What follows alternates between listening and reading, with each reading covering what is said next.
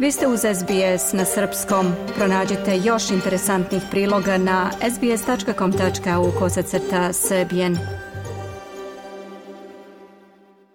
Turbulentna politička godina za Crnom Gorom. Kao i obično, ni tokom 2023. nije bilo dosadno. Građani su dva puta izlazili na izbore, prvo na predsjedničke, potom i parlamentarne. Najveću pobjedu odnio je tada tek formirani pokret Evropa Sad, koji je dobio mjesto i premijera i predsjednika države.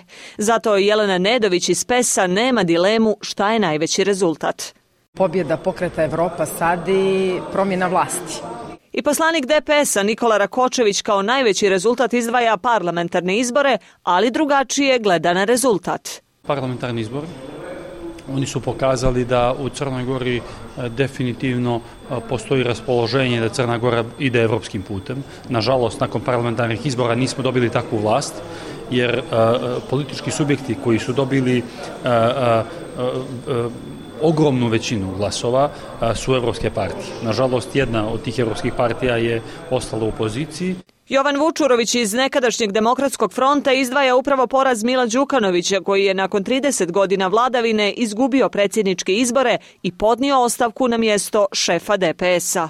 Krah politike demokratske partije socijalista i Mila Đukanovića, dakle po tome možemo prepoznavati ovu godinu u budućnosti, dakle 2023. Također ono što je obilježilo to je e, izbor nove vlade i što je za predsjednika Skupštine Crne Gore izabran gospodin Andrija Mandić. Ana Novaković-Đurović iz Zure smatra da je demokratija dodatno ojačala tokom 2023 izbore prvo koji su pokazali da Crna Gora ima mogućnost da pređe još jednu stepenicu demokratskog razvoja jer smo imali slobodne, slobodne izbore, a oni su bez dileme determinisali dalji razvoj političke scene. Političkih izazova je, saglasni su i vlasti i opozicija, mnogo pred Crnom Gorom, ali vrijeme je, kažu, da stavimo naglasak na evropske integracije te na izbor vrhovnog državnog tužioca. Za bivši DF, kako navodi Vučurović, nezaobilazan izazov je i poštovanje koalicijonog sporazuma parlamentarne većine. I naravno ono što želim da istaknem je da će tokom e, sljedeće godine možda vrlo brzo doći do rekonstrukcije vlade i do ulaska ministara iz Noja Srpske demokratije i DNP-a u vladu Crne Gore u punom kapacitetu.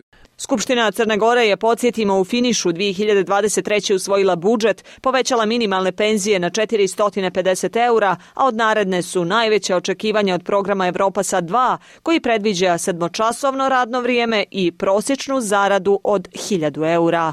Za SBS na Srpskom iz Podgorice, Milica Delibašić. Želite da čujete još priča poput ove? Slušajte nas na Apple Podcast, Google Podcast, Spotify ili odakle god slušate podcast.